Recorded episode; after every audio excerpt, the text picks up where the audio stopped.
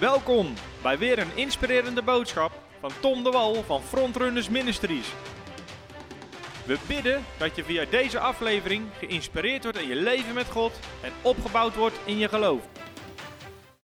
Hartelijk welkom weer bij deze uitzending van Voice of Faith. Uh, ik zat net even te kijken en ik zie dat het alweer aflevering 10 is van deze serie Gods Generaals, uh, Revival History, uh, opwekkingsgeschiedenis. Dus we hebben al 10 afleveringen lang hebben we het over dit onderwerp. En uh, alle reacties zijn echt overweldigend van mensen die dit schitterend onderwijs vinden en die hierdoor echt aangevuurd worden. Dus daar ben ik heel erg blij mee. Het is echt een passie van mij om uh, dit onderwijs en deze verhalen ook weer terug te brengen in de kerk van Jezus Christus. Dat er een honger ontstaat naar opwekking. Een honger naar opwekking. En we hebben natuurlijk vorige week gekeken naar de Azusa Street Revival. Uh, de opwekking, de uitstorting van de Heilige Geest bij Azusa Street, waar de doop in de geest, het spreken in tongentaal uh, weer terugkwam. En uh, daarvoor hebben we gekeken naar de Wales Revival. En deze week gaan we eigenlijk een nieuw tijdperk, uh, tijdperk, be beetje wel, een nieuw tijdperk in, want we gaan een aantal healing revivalist of healing evangelist gaan we behandelen. Wat er namelijk gebeurde ten tijde van de Azusa Revival, met dat de doop in de geest hersteld wordt. De Bijbel zegt, als je vervuld wordt met de Heilige Geest, in Handelingen hoofdstuk 1 vers 8, dan ga je de kracht ontvangen van de Heilige Geest. En dus met dat de vervulling, de doop in de geest terugkwam, komt ook de kracht van de geest terug in de kerk. En eigenlijk is het resultaat dat, uh, dat in die tijd, na de Azusa Revival, er heel veel genezingsevangelisten op beginnen te staan. En ik ga even naar achter lopen, ondanks dat we al in de uitzending zitten. Want als het goed is, heb ik daar zelfs een boek over. Die alleen maar de genezingsevangelisten behandelt. Uh, de Healing Evangelist. Ik had deze klaar moeten zetten, was ik vergeten. Uh, maar in die tijd zie je dus de genezingsevangelisten zie je, uh, opkomen. De Healing Evangelist. En dit boek uh, schrijft over veel van die Healing Evangelists. F.F. Bosworth bekende boek Christ the Healer geschreven. Uh, George Jeffries, Lester Sumrall, Oral Roberts, Charles and Francis Hunter. En dit boek uh, beschrijft ook uh, een aantal van die verhalen. Dus deze twee boeken gaan daarover. Catherine Kuhlman, Amy Semple McPherson. dat soort mannen en vrouwen van God, die gigantisch in genezing beginnen te bewegen. En Daarom bid ik ook dat deze uitzendingen iets zaaien van het woord van God in ons hart. Dat we weer gaan verlangen naar de grote wonderen en tekenen. En daar sluit deze uitzending op aan, want de allereerste die we gaan behandelen is A.A. Allen. En de eerste die mag in beeld. A.A. Allen, je ziet een aantal foto's. Hij werd door God gigantisch gebruikt in wonderen en tekenen. En het mooie is, ik, ik wil maar heel kort iets vertellen over zijn leven. Want we hebben een uur lang wonderen op video staan.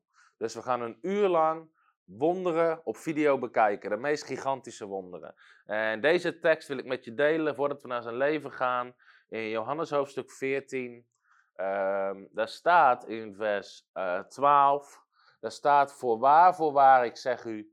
Wie in mij gelooft, zal de werken die ik doe ook doen. En hij zal grotere doen, want ik ga heen naar de Vader. Ik ga heen naar de Vader.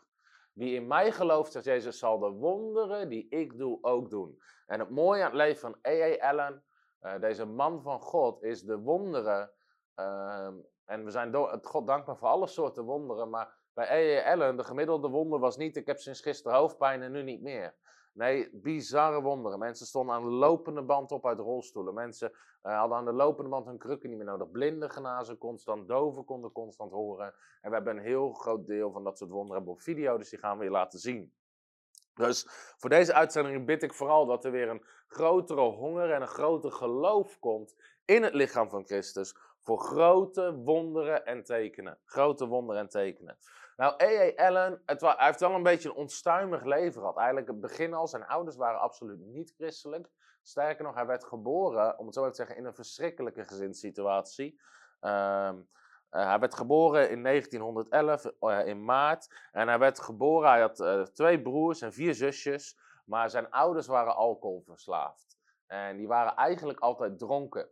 En dus dat is het gezin waar hij in opvoedt. Maar eh, niet alleen zijn ouders, maar zijn ouders voerden zelfs de kinderen. eh, toen zijn moeder zwanger was, was ze ook gewoon heel vaak dronken. Ze dronk gewoon door.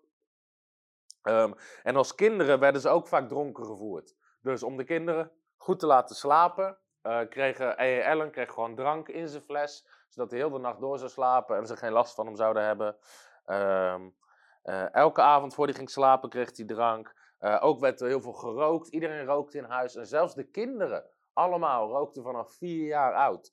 Dus toen hij vier jaar oud was, had hij een lichaam vol alcohol. eh, rookte die. Eh, toen hij vier jaar oud was, ging zijn moeder scheiden. Trouwde opnieuw. De situatie onder het nieuwe huwelijk was nog erger. Dus ze ging weer opnieuw scheiden. Eh, zijn broertje overlijdt in zijn jeugd. Hij loopt een aantal keer weg van huis om te vluchten van die situatie. Maar om dan te overleven moet hij gaan stelen, waardoor hij in de gevangenis komt. In andere woorden, hij heeft een ontzettend heftige jeugd. En op zijn 21ste is zijn lichaam zo kapot dat hij eh, door alle alcoholgebruik, dat hij helemaal aan het schudden is. Hij kan geen kop koffie drinken, want alles schudt eruit.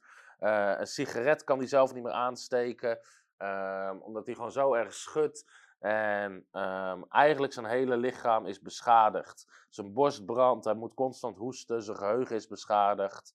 En uiteindelijk komt hij in 1934, op zijn 23ste, komt hij in een kerkdienst terecht. En hij hoort de prediking van het woord van God en hij loopt meteen naar buiten, omdat hij zo overtuigd raakt van een zondige levensstijl. En, eh, maar tegelijkertijd proeft hij iets van God. Dus hij begint te worstelen met God en, en de dag daarna gaat hij weer terug. Want er waren gewoon die revival meetings, avond na avond na avond. Dus de avond daarna besluit hij terug te gaan. En hij wordt weer overtuigd van zonde, maar dit keer loopt hij niet weg, maar hij loopt naar voren en hij geeft zijn leven aan Jezus. En dat is eigenlijk het moment dat hij opnieuw geboren wordt. En dan is hij meteen, hij heeft een honger, een passie naar God. Hij leest zijn Bijbel van voor naar achter. En hij wordt vervuld met de Heilige Geest, begint in tongentaal te spreken. En uiteindelijk eh, trouwt hij dan ook met zijn vrouw Lexi in 1936. En ze krijgen drie jongens en één dochter. En hij ervaart ook een roeping eh, voor de bediening. Dus daarna begint hij ook te prediken en worden de eerste mensen gered. En hij wordt voorganger van een eh, Assemblies of God kerk. En in die tijd wordt hij hongerig naar de kracht van God. Dus hij begint te bidden en te vasten, want hij wil meer van de kracht van God hebben in zijn leven.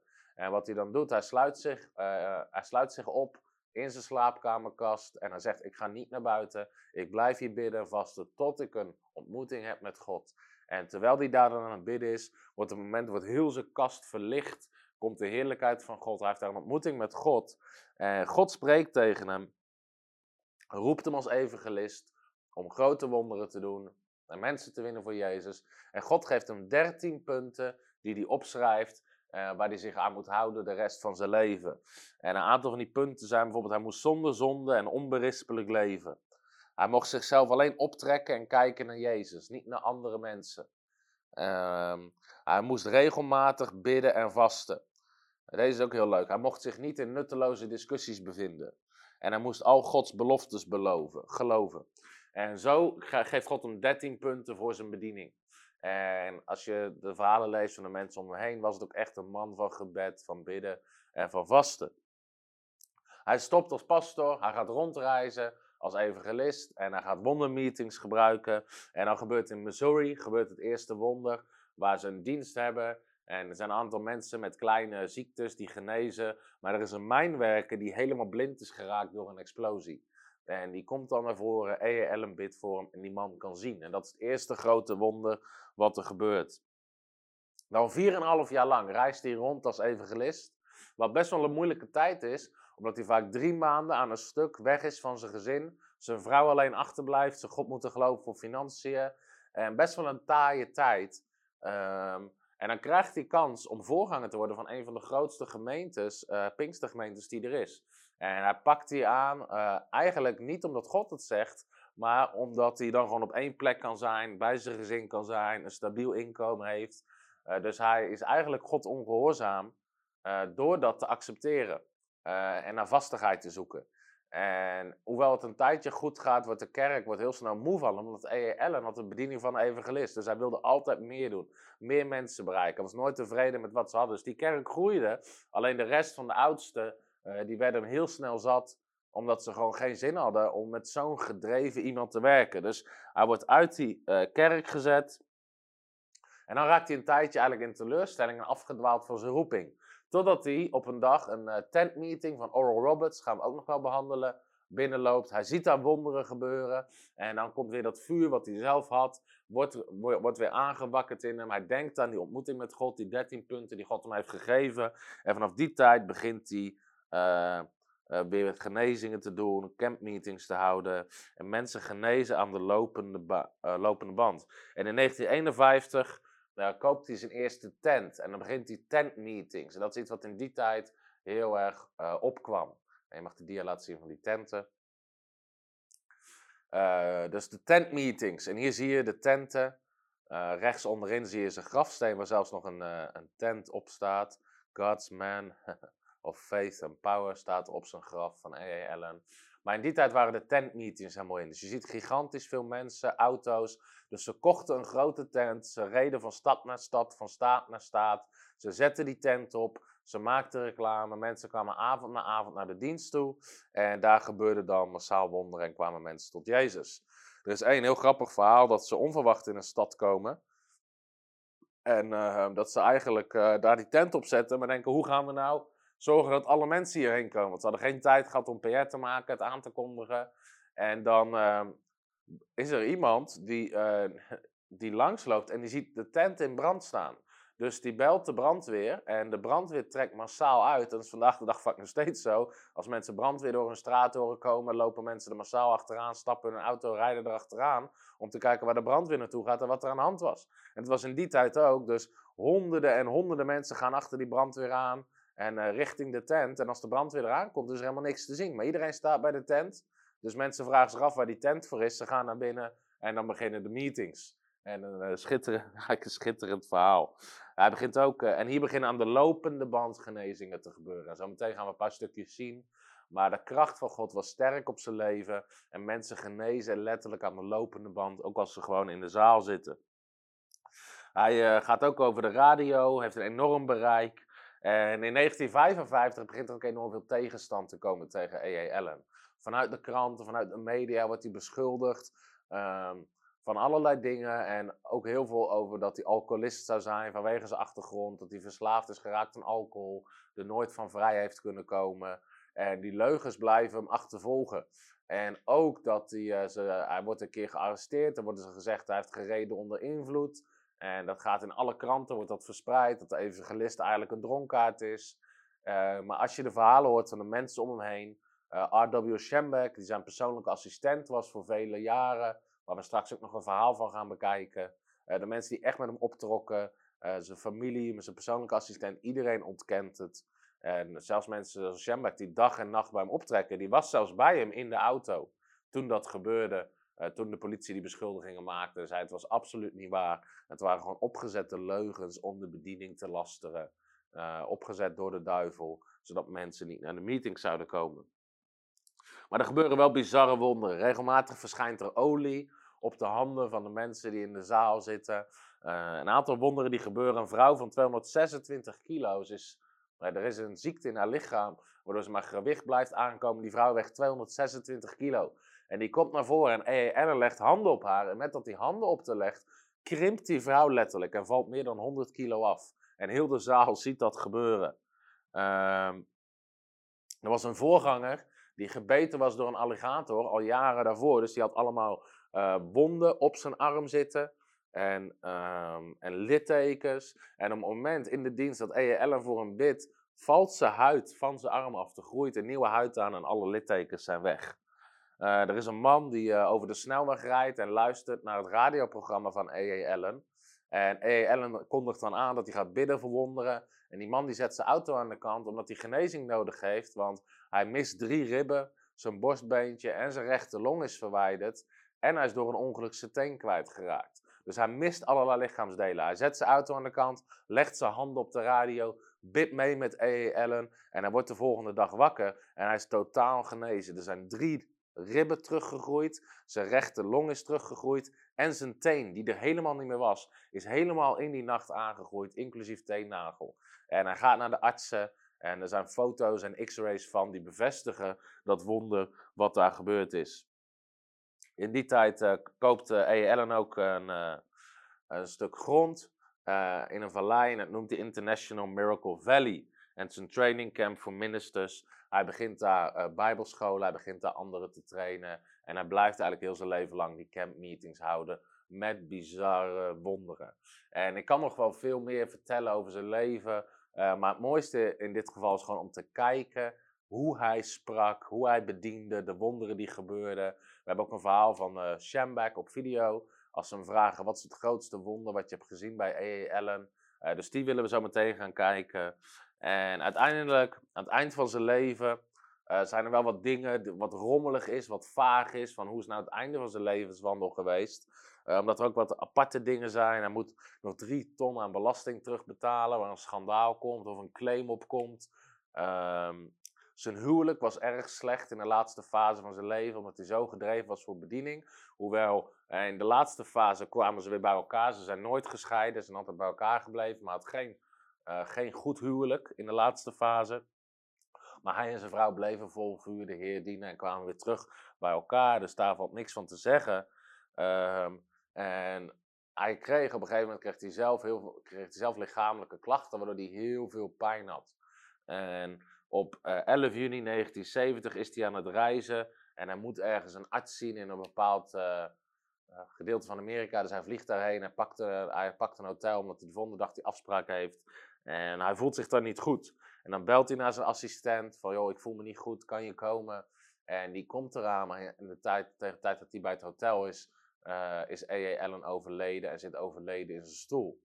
En uh, dat is dan op 11 juni 1970.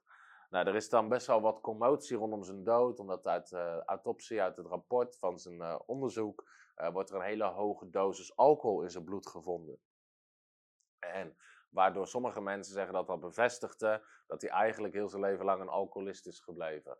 Maar de mensen om hem heen, zijn personal assistant, uh, die ontkennen dat. De mensen die dichtst bij hem stonden, die zeiden, joh, we waren dag en nacht bij hem. Met die tentmeetings, we sliepen in dezelfde caravan. En als je luistert naar de verhalen van de mensen en zijn familie, ook zijn eigen kinderen ontkennen dat. En het is niet omdat ze per se positief willen zijn over hun vader, maar ze zeiden, als je keek naar hoe onze vader leefde, we hadden iedere avond hadden we tentmeeting, hadden we, hadden we wonderen. Dat duurde tot 12 uur, 1 uur s'nachts. Dan gingen we pas eten met het gezin. Dan ging iedereen naar bed. Uh, maar onze vader was heel de nacht nog aan het bidden tot 4 uur, 5 uur s morgens. En je kon hem heel de tijd horen bidden. Er waren ook gewoon mensen die met hem altijd in die caravan uh, sliepen. En hij ging pas naar bed om 5 uur s morgens, 6 uur s morgens. Dan sliep hij tot de middag. Uh, dan werd hij wakker, bracht hij tijd door met God, met zijn gezin. En dan was de volgende meeting weer. En die ontkennen dus dat hij alcoholist is geweest. En zeiden we waren dag en nacht bij hem. En zij verklaren eigenlijk de hoge hoeveelheid alcohol in zijn bloed. Dat in die tijd ja, qua medicijnen en pijnstillers. Ze weten dat hij heel veel pijn had. En ze denken gewoon dat hij zoveel pijn had dat hij op dat moment alcohol heeft gedronken om de pijn te verdoven. En toen overleden is. Maar niet vanwege alcoholgebruik als alcoholist. Nou, de meetings wat Ellen vaak deed is wel mooi. Want wat hij ja, had dan twee samenkomsten. En iedereen die genezing wilde ontvangen. Uh, omdat hij echt heel veel waarde aan geloof voor genezing. Dus hij vroeg ook iedereen: heb je geloof voor je genezing? Dus wat hij deed, iedereen die genezing wilde ontvangen tijdens zo'n week, die moest van tevoren komen om zich in te schrijven. Die moest dan kreeg je, werd opgeschreven wat je had, waar je last van had. Dat noemden ze een healing card. Dus dat werd geschreven op een kaart. En, zei ze, uh, en op een gegeven moment gingen ze bidden voor mensen die een kaart hadden. Dus je moest al van tevoren gekomen. En dan was er eigenlijk een regel dat je moet smiddags ook naar de diensten komen. En smiddags predikte zijn assistent, die later een eigen bediening heeft gekregen, R.W. Schembach. En die preekte dan altijd over geloof, over genezing. Om mensen daarin mee te nemen. Dus mensen moesten smiddags naar de diensten komen. Daar kregen ze onderwijs. En s'avonds kwam A.A. Allen. En dan predikte hij en bad hij voor de zieken. En dat was de methode waar mensen doorheen liepen. En A.A. En, uh, Allen die was soms middags zo in de dienst. Of die liep door de ziekenboeg om te kijken en gewoon in zichzelf te bidden. Maar s'avonds was een moment dat hij begon te bidden voor wonderen. Nou, ik wil met jullie gaan kijken naar een, uh, naar een heel aantal van die wonderen. En ik wil je echt aanmoedigen, ook deel dit met mensen. Het zijn schitterende wonderen. Een paar dingen uh, die gebeuren in de wonderen. Er zijn een aantal mensen in hun laatste levensfase met kanker of andere dingen. Waar hij voor bidt, die direct genezen en opstaan uit hun bed. Ook een man die eigenlijk op sterven ligt, geen eten meer binnen kan houden, niks kan eten, niks kan drinken. E.E. Allen bidt voor hem. Hij staat op uit zijn bed en hij eet meteen een broodje en hij begint meteen te drinken. Uh, benen die aangroeien, mensen die opstaan uit rolstoelen. Uh, er is een man die uh, negen ribben mist en een deel van zijn long die geneest. Een vrouw die na 17 jaar opstaat uit een rolstoel. Een blinde man die geneest. Een man die spieren mist, die in een rolstoel zit, geneest. je ziet een, afbeeld, een video van een man die in een psychiatrische inrichting zit. Die eigenlijk helemaal zijn verstand kwijt is geraakt. Die zijn vrouw brengt hem dan naar de meeting. E.E. Allen bidt voor hem en hij wordt bevrijd van een demonische geest. En hij, komt, hij wordt daar helemaal genezen. Uh, het is een verhaal van, dat noemden ze de Monkey Boy. Er was een jongen en die had geen botten in zijn benen. Dus zijn benen waren net spaghetti slierten. Die kon E.E. Allen alle kanten op bewegen. En hij bidt voor die jongen en er worden botten gemaakt in zijn uh, benen. En daarna loopt hij weer. Uh, een verlamd meisje wat opstaat uit de rolstoel. En als laatste sluiten we af met een verhaal wat R.W. Schembeck vertelt. Met het grootste wonder wat hij ooit heeft gezien bij E.E. Allen. Dus ik bid dat je gezegend wordt door al deze wonderen. En dat het geloof bouwt in je hart. En ik zou zeggen, geniet ervan. Hallo, Tom de Wol hier en bedankt dat je weer geluisterd hebt naar onze podcast. Ik bid dat het je geloof gebouwd heeft en je bemoedigd bent. Als je niet alleen een luisteraar van onze boodschap wil zijn, maar ook een verspreider daarvan, wil ik je uitnodigen om partner te worden van Frontrunners. Door jouw maandelijkse donatie help je ons om dit evangelie van Jezus Christus en het woord van God over heel de aarde te brengen. Om partner te worden, ga naar www.frontrunnersministries.nl slash partners en word partner. Hartelijk bedankt en tot snel. Heb je ook zo genoten van deze inspirerende boodschap van Tom de Wal? Abonneer je dan op deze podcast. Volg ons op Facebook en op Instagram en kijk op onze website frontrunnersministries.nl.